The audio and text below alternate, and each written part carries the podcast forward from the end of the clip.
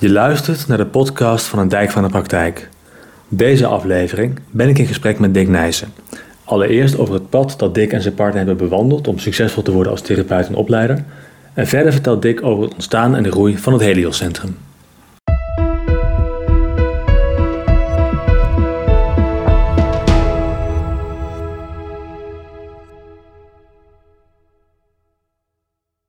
Ja, Dick, dankjewel dat ik, uh, dat ik je mag interviewen voor een Dijk van de Praktijk.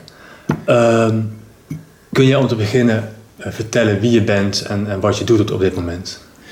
Wat ik doe op dit moment? Nou, ik geef voornamelijk tantra-cursussen. En binnen die tantra-cursussen zijn er heel veel verschillende aspecten. Dus ik geef weekendcursussen.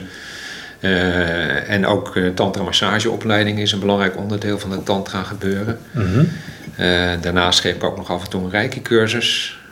Maar mijn werk is door de loop der jaren heel erg uh, verschoven. Mm -hmm. Ik ben ooit begonnen als Reiki Master. Mm -hmm. We zijn met een cursuscentrum begonnen ooit in 1988, nee, 1986 al. Mm -hmm. Ben ik met Ariane, de partner die ik toen, uh, toen net een nieuwe relatie mee had, zijn we samen een Reiki Centrum begonnen.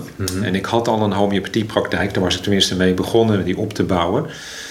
En toen kwam Reiki op ons pad. En uh, we zijn Reiki-cursussen gaan organiseren voor andere Reiki-masters. En ik ben al heel snel aan de gang gegaan met uh, professioneel ook reiki-behandelingen aanbieden. Dus we kregen altijd het geluk dat we een interview hadden voor de krant, mm -hmm. waardoor ik een groot artikel kreeg in de plaatselijke Lelystadse Courant over mijn reiki-praktijk. Mm -hmm. En dat maakte dat ik maandenlang heel intensief uh, reiki-behandelingen kon geven. Ik was toen nog geen reiki-master, dus ik kon er nog geen cursus in geven. Maar ik gaf dan wel acht uur per dag reiki-behandelingen. Wow. En dat was, uh, in het begin dacht ik, Jezus, weet je, toen ik een agenda zag van 40 uur in de week behandelingen geven. Maar ik kwam in een heerlijke, zalige toestand terecht, vaak tijdens het behandelen. En aan het eind van zo'n avond of zo'n dag had ik vaak zoveel energie dat ik ook merkte dat ik inderdaad niet met mijn eigen energie werkte, zoals bij Reiki dat ook verteld wordt. Reiki is universele levensenergie, maar mm -hmm. dat ik uh, echt een kanaal was voor de energie. En ik echt s'avonds nog moest gaan joggen en uh, minder slaap nodig had. Zoveel energie hield ik zelf ook nog over, terwijl ik best wel soms hele zieke mensen behandelde. Mm -hmm. Dus dat was voor mij een leerweg die best heel uh, waardevol was, waardoor ook de, de, de homeopathie op de achtergrond raakte. Want ik had minder consulten voor homeopathie dan voor die rijke behandelingen. Mm -hmm. En toen wij na ruim twee jaar zo'n beetje reiki-master werden, ja, toen, toen barstte het los in uh, cursussen die we gaven. Ik gaf dan overal lezingen in het land en dan... Uh, gaven we, en dat is misschien leuk ook voor hoe dat toen werkte, mm. hoe wij dan zeg maar zo succesvol werden op reiki-gebied. Wat nog wel eens wat oordelen gaf uh, tussen collega's die vonden je mag niet reclame maken, mensen moeten je gewoon weten te vinden. Mm -hmm. Maar wij gaven dus, wij stuurden eerst een persberichtje naar een lokale zeg maar, krant. Als we dan ergens een organisator hadden, noem maar wat in, uh, in Limburg. Dan stuurden zij een persberichtje op mm -hmm. uh, naar zo'n krant. En dan uh, hadden we daar een ruimte afgehuurd. En dan gaven we daar een lezing. En uit die lezing kwamen dan zoveel aanmeldingen voor... dat wij dan een maand later daar dan een cursus gaven. Ah. En dat maakte altijd dat we volle cursussen hadden. Dus uh, ja, het was voor mij ook een enorm contrast. Want ik had het jaar daarvoor zat ik nog in de uitkering. Oh ja? En ik weet nog dat ik mijn eerste Reiki 2 cursus gaf. Dat was destijds, werd daar 500 dollar voor gevraagd. En dan mm. het equivalent in Nederlandse guldens. Ja. En dat was 1200 gulden per persoon. Wauw, ja. Had ik ineens een cursus waar ik meer geld op twee avonden verdiende... dan ik een heel jaar aan uitkering had gekregen het jaar daarvoor. Dat lijkt me wel schokkend. Het is behoorlijk schokkend. Het was ook belastend voor mij. Want ik had een gevoel, ik moet een prestatie leveren voor het geld. Wat, uh-huh. wat eigenlijk niet te doen was, wat weet je wel. Ja, ja. Maar dus, dus ineens kwam ik van jarenlang heel zuinig leven. Waar ik toch wel altijd mijn dingen kon doen die ik wilde doen. Cursussen die ik wilde doen. Maar waar ik toch altijd heel erg op mijn geld moest letten.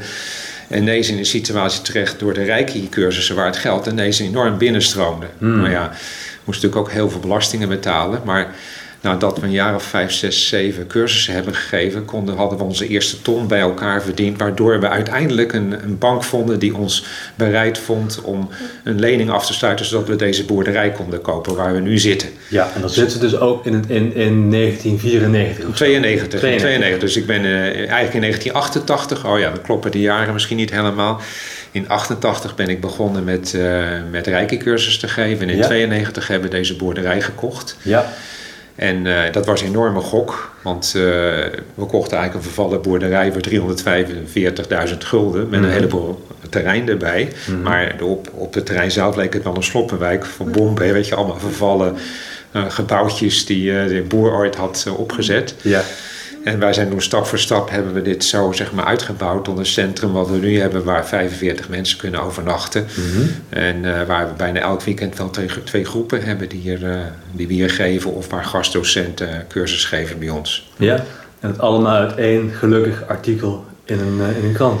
Ja, ik denk dat er, dat er een heleboel samenlopen van omstandigheden waren waardoor het zo gelopen is. Ik denk niet dat het één artikel is, maar ook omdat Ariane, mijn partner, al een lange achtergrond had. Zij heeft vanaf haar twintigste al transcendente meditatiecursussen gegeven. Dus Mhm. zij was gewend eh, om lezingen te geven. En eigenlijk hebben we die stijl overgenomen. En op Reiki-gebied was dat niet zo gebruikelijk, denk ik, dat Reiki-masters lezingen gaven door het Mhm. land. Maar wij deden dat wel. En dat maakt natuurlijk wel dat we... En hopelijk ook onze cursussen zo aantrekkelijk waren... dat mensen door mond-op-mond reclame ook eh, naar ons toe kwamen. Ja, precies. Eh, En ik woonde toen nog in Lelystad eh, samen met Ariane. Eh, wij kregen in 86 een relatie met elkaar. Zij was nog maar heel kort gescheiden toen wij al een klik kregen. Mhm. En dat, dat resulteerde in enorme creativiteit. Wij zijn op zich heel verschillend, maar Mhm. onze combinatie haalt onze kwaliteiten naar voren als we elkaar niet bedreigend ervaren in onze verschillendheid. En vanuit eh, de, de, de visie die zij heeft, een enorm overzicht in de dingen. En ik ben iemand die vaak weer de verre grote risico's en stappen durft te nemen. En zij ground mij in, ons, eh, in onze gezamenlijke onderneming. En die combi is best wel goed. Ja. Dus ik heb ook toen wij Reiki leerden, voelde ik heel sterk, we moeten Reiki master worden. En we moeten daar niet lang mee wachten. Er is heel veel belangstelling voor. En het voelde ook echt als onze passie. Want we hebben altijd gezien dat wij kunnen alleen maar het werk doen waar we ook persoonlijk een passie voor voelen. Voor mij is mijn spirituele weg, en daar voel ik me heel eh, bevoorrecht in, mijn spirituele weg valt samen met mijn passie en met mijn werk. En Mhm. er zit weinig scheiding in. Ja. Hè? En eh, je zou het ook nog een hobby kunnen noemen. Mhm. Dus, eh, dus alles komt daarin samen. Is het altijd zo geweest? Nee, zeker niet. Zeker niet. Ik, ik ben. eh, ik heb 2,5 jaar voor bazen gewerkt en dat was echt een ramp voor mij om acht uur in dienst te zijn van een ander. En allerlei, ja, ik was van school gestuurd op mijn achttiende. Ja. En ik ben toen maar gaan werken en dat was eh, ja, hopeloos. Op een bepaald moment zag ik, als ik zo... eh, ik, op een bepaald moment was ik telexist bij het Algemeen Dagblad en het NRC Handelsblad. Dan moest ik alle, Mhm. alle binnenkomende persberichten naar de, de verschillende redacties sturen. Maar ik dacht, als ik zo oud moet worden om daar in zo'n telexkamer de hele dagen te zitten... Toen ben ik in wanhoop maar via een au pair bureau in Frankrijk gaan werken Oh ja? op een camping. Maar dat bleek in de praktijk eh, wc's betegelen voor een hongerloontje. maar, maar dat heeft wel gemaakt dat ik, dat ik even helemaal uit mijn milieu stapte, zeg maar. Mhm. En ik kreeg toevallig een telegraaf in de hand, een hele oude telegraaf... waarin een artikel stond over transcendente meditatie. Ja. En op, op een of andere manier raakte me dat heel erg van... Ik voelde ineens van, hé, hey, dit, daar moet ik wat mee doen. Mhm. Dus toen ik terugkwam in Nederland, toen ben ik TM gaan leren. En dat is voor mij echt de omslag geweest in mijn leven. Toen ging ik regelmatig mediteren, twee keer per dag. Mhm. Ik ging me veel beter voelen. Eh, ik ging ook weer ook, ik ging over Oosterse psychologie, over spiri- spiritualiteit lezen. Mhm. En ik ben toen weer teruggegaan naar 4 HAVO op mijn twintigste. Ja. En toen slaagde ik uiteindelijk als beste van de school. En toen heb ik nog zes atenea mogen doen. Ja. Maar dat heb ik alweer niet afgemaakt, omdat ik ging rondliften Oh, door Europa en alles. En toen ben ik naar de Sociale Academie gegaan. Heb ik ook niet afgemaakt. Mhm. Ik ben naar de Academie van Natuurgeneeswijze gegaan. Heb ik ook niet afgemaakt. Ja. En van daaruit rolde ik uiteindelijk in eh, de Reiki. Eh, en, eh, en zo ben ik tot het punt gekomen waar ik nu ben. Ja. Dus weinig afgemaakt in diplomasfeer, maar wel heel veel cursussen ook tussentijds gevolgd en bij elkaar gesprokkeld wat ik aan er- levenservaring en opleidingen heb gedaan. Mhm. En dat ja, breng ik hopelijk allemaal tot uitingen in mijn cursussen. Je vertelt het met heel veel vrolijkheid op je gezicht. Ja. Met heel veel energie en enthousiasme. Is het, ehm, het, het, het, komt ermee over alsof je gewoon van een glijbaan af bent gegaan. Makkelijk. Is dat Eh, nee, nee, dat is zeker niet zo. Ik ben namelijk van nature heel verlegen. Oh. En de eerste keer dat ik bijvoorbeeld een lezing moest geven, nou, je wil niet weten hoe, de eerste keer rijkencursus die ik gaf, ik kon de nacht ervoor helemaal niet slapen. Zo Mm. spannend vond ik dat. Mhm. Ik weet ook de een tijd lang dat ik een lezing moest geven. En in de tijd dat ik met Reiki dus lezingen ging geven, zat er ineens 150 man bijvoorbeeld in de zaal. Hè. Dus dan Wauw. stond ik ineens voor zo'n groep een lezing van een uur te geven of langer over Mhm. Reiki. En ik was heel enthousiast, dus ik heb mensen daardoor gekregen. Maar ik weet ook wel dat ik eh, soms tot tegen acht uur nog eh, op het toilet zat. En ik echt, eh, echt eh, zo angstig was dat ik alles moest loslaten. Echt waar? Ja. Ja, ja. En ik ook wel eens een blackout gehad heb. Dat ik na twee, drie minuten praten echt helemaal blanco was. Waar ik in mijn meditaties heerlijk had gevonden om totaal gedachteloos te zijn. Ja. Was ik op die moment tijdens een lezing totaal helemaal blanco leeg. Ja, ja, dat was het niet En zo fijn. het goede was dat ik door dat dan weer te benoemen weer op gang kwam. En doordat mensen vragen dan stelden en zo. eh, maar het heeft me heel wat gekost om ook cursussen te gaan geven. Vaak ook toch een soort in mij die op mijn nek zat. Van eh, weet je wel, dat je het wel eh, heel goed moest doen en zo. Wat toch een hoop stress ook heeft opgeleverd. Maar uiteindelijk ook veel meer, eh, hoe heet het, zelfliefde. Ik, zie- ik zie echt dat je zelfliefde niet krijgt door eindeloos in de spiegel te staan. eh, Zeggen van je bent helemaal oké, je bent goed zoals je, zoals je bent. Je moet bereid zijn in je leven om werkelijk, eh, zeg maar, eh, te gaan woekeren met je talenten en risico's te nemen. En bereid te zijn ook hele lastige dingen aan te gaan. En dat levert je uiteindelijk een duurzaam zelfrespect op. Mhm. Als je tenminste bereid bent te gaan voor wat jouw eh, taak in het leven is, zeg maar. Mhm. Dat het iets is wat, eh, waar je passie ligt. Mhm. En ik zie dat dat, hoewel ik dus eh, ooit ja, als kind een behoorlijk eh, minderwaardigheidscomplex had en ook een hoop dingen had in me, ja, wat ik had te verwerken, Mhm. dat uiteindelijk door, door naar buiten te treden. Ik heb altijd wel het gevoel gehad van. Ook toen, eh, ja, vanaf vroeg af aan, dat ik een speciaal leven zou hebben. Maar het werd een totaal zootje. Tot mijn twintigste was het echt, eh, weet je wel, leek het nergens op. Ja. Uiteindelijk, eh, zonder enige school, zonder enig diploma, kwam ik in eh, hopeloze baantjes terecht. Ja. En eh, relationeel eh, zat ik in de knoop en emotioneel. En doordat ik uiteindelijk via TM eh, begonnen met mijn mediteren en ook daarna ook allerlei eh, workshops ging doen op therapietraject, ook wel doorlopen ben, ben ik me steeds beter gaan voelen in mezelf. Mhm. en, eh, en ook in een, in een relatie stappen zoals met Ariane, waar een vrouw die heel intens is en die me ook heel erg ja, feedback kon geven op een manier waar ik soms eh, ook door diepe pijnen ging Ja. omdat de feedback die ik kreeg eh, ja, hard binnenkwam. Mhm. Heeft me wel sterker gemaakt ook. En eh, ben ik, eh, zoals ik waar ik nu ben, over het algemeen in een, voel ik me heel stabiel in een, in een vorm van zelfliefde, in een soort liefde, waar die ik volgens mij ook kan meenemen in de cursussen die ik geef, waardoor ik vrij onvoorwaardelijk kan zijn naar mijn cursisten. Mhm. En wat ik zie als de enige basisvoorwaarde waarop mensen echt kunnen veranderen, dat ze eerst gevoel krijgen dat ze oké zijn in wie ze zijn, waar ze nu zijn. Mhm. En van daaruit kunnen dingen veranderen. Maar die pusher die veel mensen hebben, weet je, waar ze eh, bijvoorbeeld bezig gaan eh, met werken aan zichzelf vanuit dat deel wat toch eigenlijk nooit vindt dat je goed genoeg bent, dat is Mhm. hopeloos, weet je wel. Dan zit je jezelf op je nek. En eh, ik zie dat het echt heel belangrijk is dat het vanuit acceptatie, de verandering on- ontstaat door, door acceptatie van waar je nu bent. Wat, wat, wat is bij jou dan het... Is, is er een moment geweest in je leven dat, dat je, dat je verschoof van, van niet accepteren van jezelf naar het wel accepteren van jezelf? Of ging dat heel Nee, dat is geen radicaal moment. Dat, zijn, dat gaat bij stukjes en beetjes in mijn Mhm. beleving. Dat is eh, dat je als je de, ja, de pijnen die je, als je durft in de kwetsbaarheid te gaan. Ik denk dat dat een belangrijke voorwaarde is. Dat je bereid bent je defensies los te laten. Ook als iemand iets zegt wat je heel erg raakt, om dan niet gelijk dat terug te werpen naar de ander, maar de pijn te voelen van waar er een stuk waarheid in zit, bijvoorbeeld. Hè? En daar gewoon bij te blijven. Hè? De, de sleutel is gewoon bij, bij blijven bij wat er in je geraakt wordt.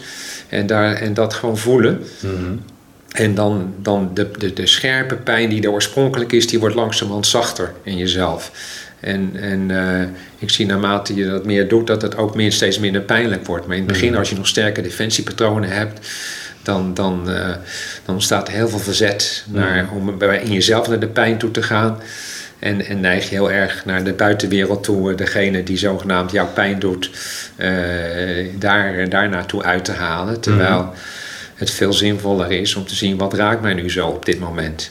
Ja, ja. En dat is een belangrijk ding om workshops te kunnen geven, dat je natuurlijk voldoende door je eigen proces heen gegaan bent. Want je zal altijd getriggerd worden door mensen die, die soms ook een onvrede op jou afreageren. Hè. Er is een deel in mij die wil altijd dat iedereen op elk moment gelukkig is in een cursus. En dat is totaal onrealistisch. Mensen uh, worden op allerlei manieren geconfronteerd met zichzelf. Uh, hè. Ik haal ze ook uit hun comfortzones. Mm -hmm. maar ook weer de bedoeling dat ze niet zo ver uit hun comfortzone gaan dat ze dissociëren of, of dat het te heftig voor ze is. Het is mm -hmm. een, een, meenemen op een zachte manier uh, en hun comfortzone verruimen. Ja, en dat stuk dat, dat andere mensen zeg maar, op hun gemak wil stellen en, en wil, wil, wil ondersteunen. Je zou het de pleaser kunnen noemen, hè? Ja, dat die, die bij mij is die behoorlijk ontwikkeld. En ik okay. ben me er ook bewust van. heeft me ook regelmatig in moeilijkheden gebracht. Weet ja. je, dat ik zie dat ik te makkelijk ja zeg naar iemand toe. En als je het dan niet helemaal waar kan maken, dan ontstaat er teleurstelling natuurlijk. Ja. Dus, dus dat is, je hebt zo je, iedereen heeft zo zijn, uh, zijn aandachtspunten die je hele leven lang wel, uh, waar je op moet letten. Van, dat, dat zijn ook zwakke plekken waarop je gemanipuleerd kan worden of zo. Mm -hmm. ja, maar ja. Die, die is het dus nog steeds? er is een, ik zie nog steeds wel een, een, neiging om een aardige jongen te zijn. Iedereen weet je wel. Ja. En daardoor soms niet heel scherp te kunnen afgrenzen van sorry, maar de, dat is natuurlijk een wereld van verschil met hoe dat vroeger was. Maar je, je blijft natuurlijk bepaalde thema's tegenkomen, vaak weer op een ander niveau. Hè. Je hele leven, alles gaat als een spiraalvorm, zeg maar. Kom je regelmatig weer centrale thematieken tegen. Die Dezelfde ellende, zeg maar. ja, alleen als het goed is, dan verschuift daar telkens weer iets in. Hè, in je groeiproces. En uh, ontwikkel je er meer zicht op. Mm-hmm. Dan gaan de scherpe kantjes er vanaf. Ja, ja, ja. En op een gegeven moment had je dan dus dit centrum. Ja. Um, hoe ging het toen verder? Ja, nou ja, je, het, wordt stand, ja, het is langzamerhand steeds meer geprofessionaliseerd. In de gunstige zin niet dat dan het hart eruit gaat of de mm. liefde. Maar het is juist eigenlijk dat we met steeds betere mensen samenwerken. Weet je, waar je vroeger nog wel eens lastigere dingen had. Ook als, als werkgever heb je een hele weg te gaan in leren hoe je een goede werkgever moet zijn. Hè. Wij geven onze, ons personeel heel veel ruimte om de dingen op hun manier te doen. Weet je? Mm-hmm. Maar het is wel belangrijk dat er een goede aansturing is. Maar dat we ze vertrouwen geven. Dat we niet met een prikklok zitten op hoe laat ze met dingen beginnen. Dat er voldoende tijd is met elkaar. Dat ze lekker samen kunnen. Dat de contacten onderling heel voedend zijn. Mm-hmm. Daarin is heel veel, hebben we ook een heel goede proces in doorgemaakt. Hè? En we hebben automatisering doorgemaakt. En dan maak je ook alles mee rondom uh, automatisering. Dus op zich kan dat ook een heel stressvol uh, proces zijn. Waarin uh, dingen fout kunnen gaan. Waar heel veel geld mm -hmm. mee gemoeid is. Mm -hmm. Waar je ook weer allerlei risico's gaat nemen. Je moet voortdurend eigenlijk één les is dat niks hetzelfde blijft. Als je ziet hoe wij 30 jaar geleden werkten. Wat ik zei over die lezingen Mhm. geven. Dat was voor het pre-digitale tijdperk. Weet Ja. je wel. Ja. En hoe het nu is, dat is een wereld van verschil. En vroeger gaven we duizenden folders uit. Elke Ja. lezing nam iedereen een folder mee naar huis. Dat was Mhm. de manier waarop we, we reclame maakten voor onszelf. Nou, folders zijn op dit moment gewoon totaal, die drukken we niet meer. Nee. Iedereen kijkt gewoon op een website. Mhm. Hè?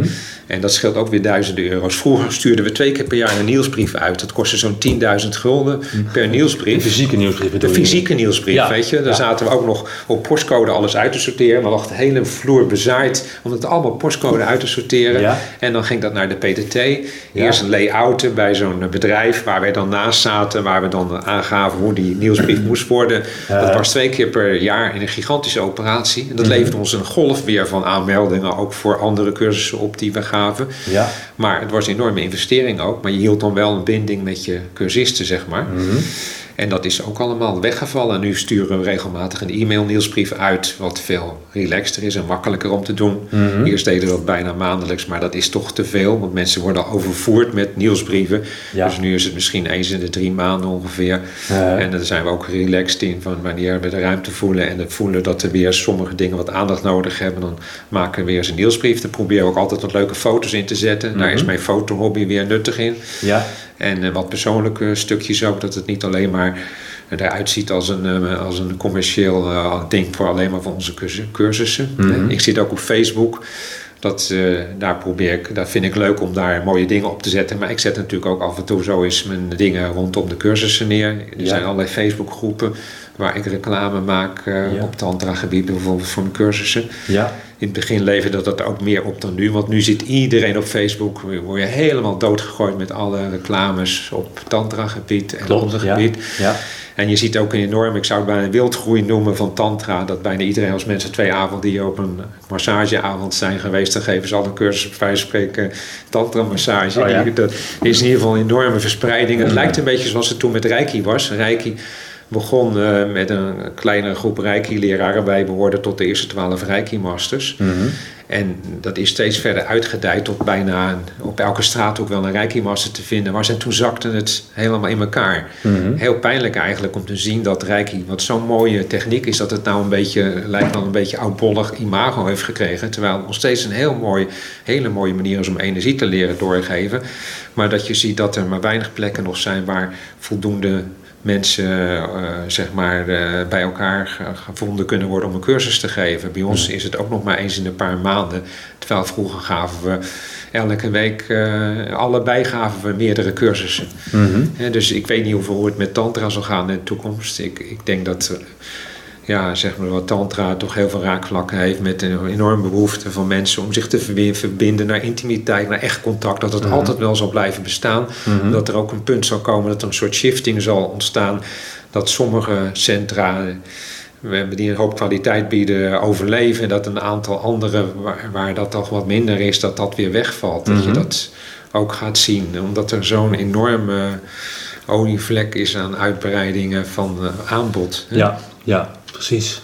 Ja, want je, je, je begon over, je, je zei het, het ging over Facebook, hè? Dus over hoe je promoot.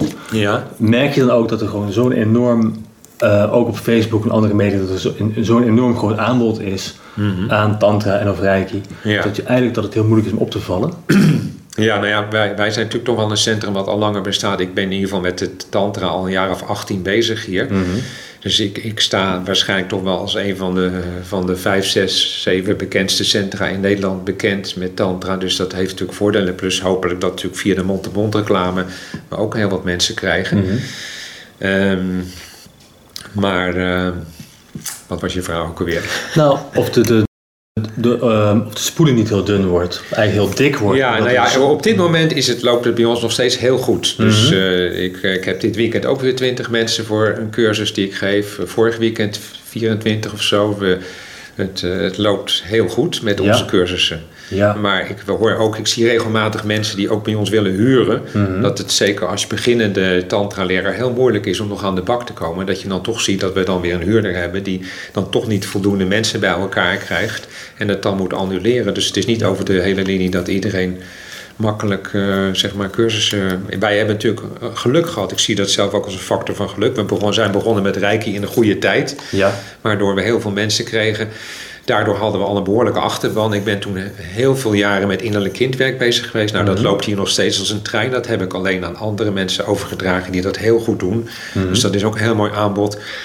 mensen die hier komen om reiki te leren en, en, en innerlijk kind, die zien ook dat tantra aanbod. Een deel daarvan gaat ook tantra doen.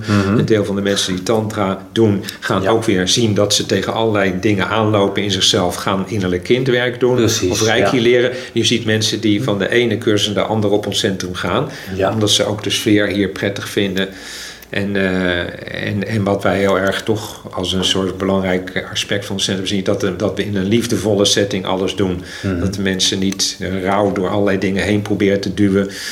En, en eh, ja, en dat is ook wat ik heb meegenomen van al die jaren innerlijk kindwerk. Als er iets daarin belangrijk is, is wel dat je eh, dat mensen een vrije, veilige setting ervaren waar ze voelen dat ze welkom zijn met alles wat er in hun leeft. Mhm. En dat ze daar niet op veroordeeld worden.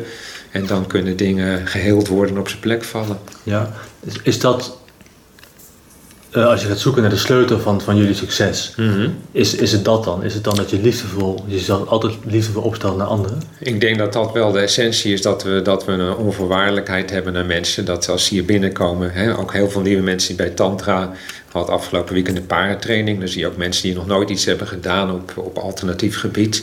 En dan is het natuurlijk al een hele, heel intens weekend voor ze, wat ze allemaal niet eh, gaan ervaren. Ja.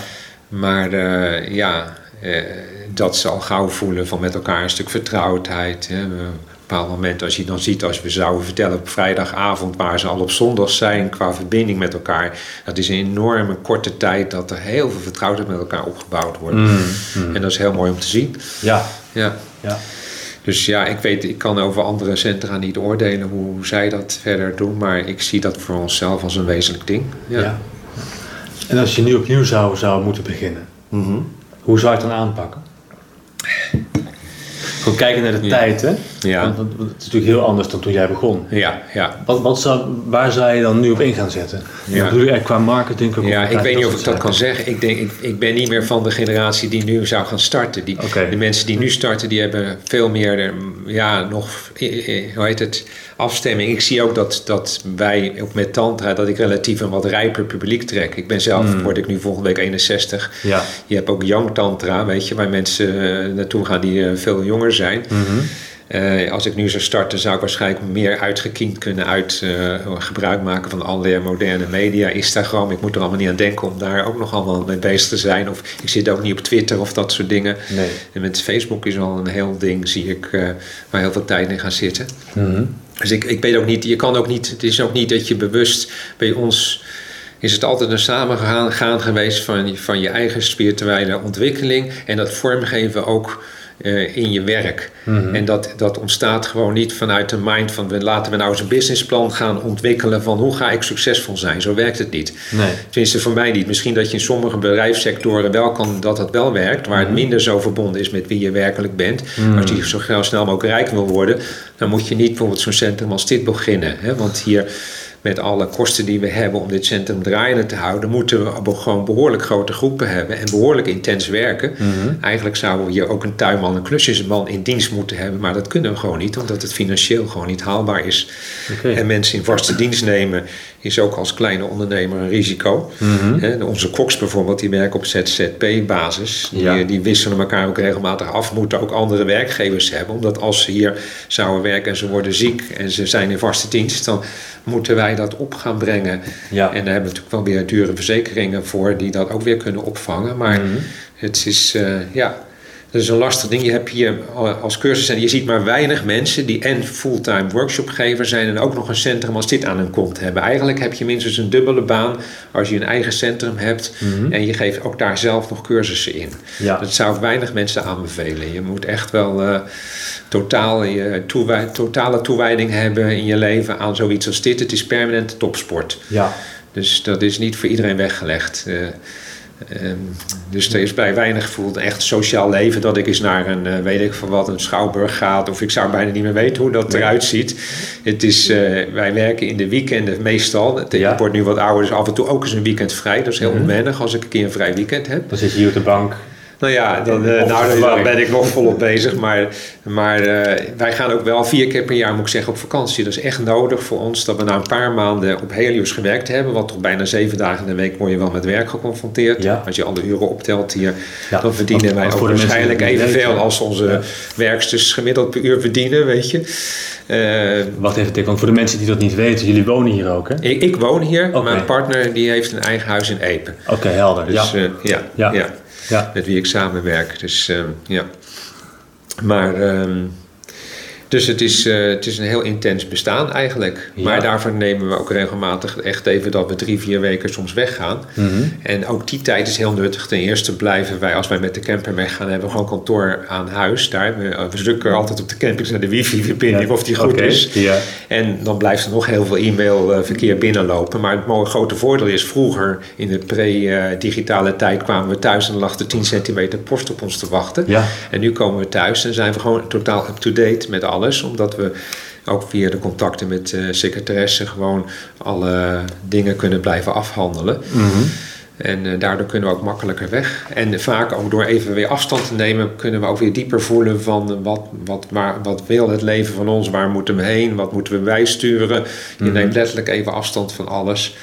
En dan tune je weer in op, uh, op alles en je denkt weer even lekker bij in een wat simpeler leven. Dus als Ja. wij met de camper weggaan, wordt het leven wat kleiner. Mhm. En uh, dat maakt uh, dat eh, de afwisseling heel fijn is. Dan hebben we echt weer zin als we hier komen om er weer goed tegenaan te gaan. Ja. En soms zie ik dat ik dan toch vanuit een beetje een uh, arbeidsethos-achtergrond iets te veel inplan. Uh-huh. Dat ik zie van, nou, ik ben zoveel weken weg geweest, nou moet ik toch wel eventjes... uh, Inhalen. Dus deze weken zijn weer erg druk. Maar Tegelijkertijd is het heel bevredigend. Ik heb net twee tantra-avonden achter de rug. Gisteravond 22 mensen. En als je dan aan het eind van de avond van iedereen hoort uh, hoe ze de avond ervaren hebben, dan is het een en al halleluja.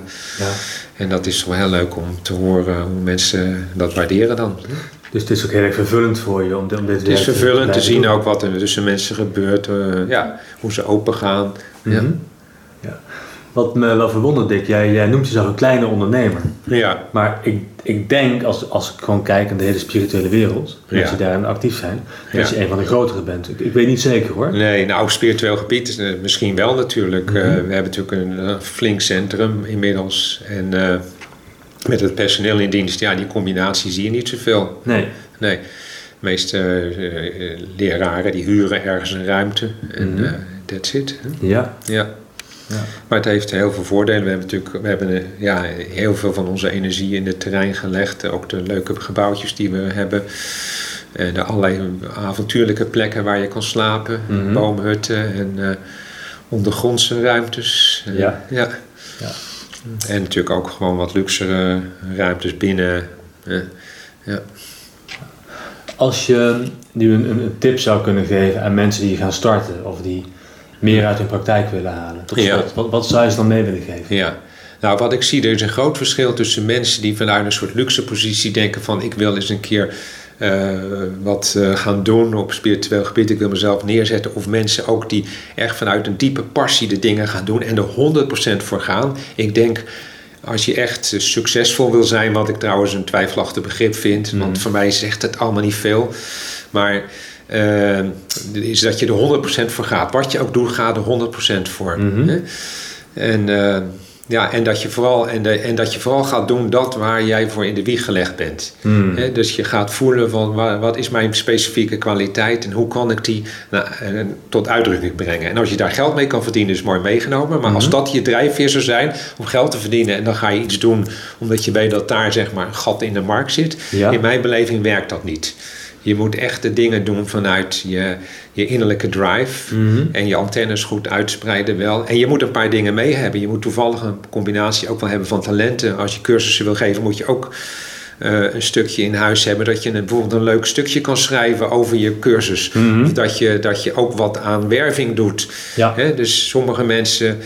We hebben hier ook regelmatig gastdocenten. Of soms zie je erbarmelijke stukjes waar mensen ziet van... God, daarmee ga je niet de mensen trekken, weet je Mhm. wel. Of dat je echt de dingen voldoende doorleefd hebt... en dat het uit de tekst eh, duidelijk wordt. Ja. En dus daar is er heel veel winst te behalen. Dat mensen ook bereid zijn om hulp in te schakelen... als je niet zo begaafd bent in jezelf neerzetten... in mooi, in goed dingen helder kunnen weergeven... dat je dan hulp zoekt. Mhm. En, en dat je je een beetje voorziet waar je zwakke punten zijn. Ik heb de bof dat ik met Ariane een goed team vorm waar we elkaar heel erg aanvullen. Mhm. Ik denk dat ik in mijn eentje niet zo succesvol tussen aanhalingstekens zou zijn geweest. En zij ook niet Mhm. als we niet onze combinatie hadden gehad. En dat we beide een diepe passie voelen die dieper gaat dan onze zeg maar, romantische kant van de relatie. Dat we ook op een dieper niveau heel wezenlijk... eh, we moesten gewoon samenkomen. Toen wij Mm. samenkwamen was dat zo'n dwingende kracht bijna. Wat voor mij helemaal niet voor de hand lag. Want zij was al bijna acht jaar ouder. Ze had twee kinderen en het paste niet in mijn ideaalplaatje van... Van dat ik een relatie zou hebben met een vrouw die zoveel ouder was. En dan, Mhm. maar het moest gewoon gebeuren. Er was gehouden aan. En vanaf dat moment dat we samenkwamen, nou, we explodeerden gewoon in, in energie.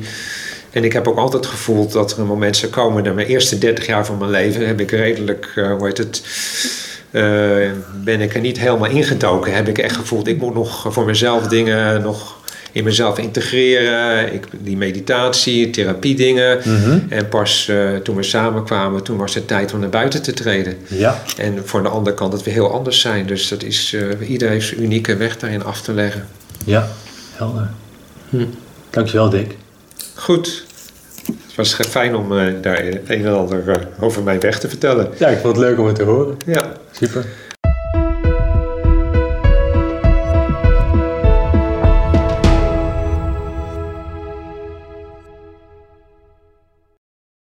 Een dijk van de praktijk helpt coaches, trainers en therapeuten om het beste uit zichzelf en hun praktijk te halen.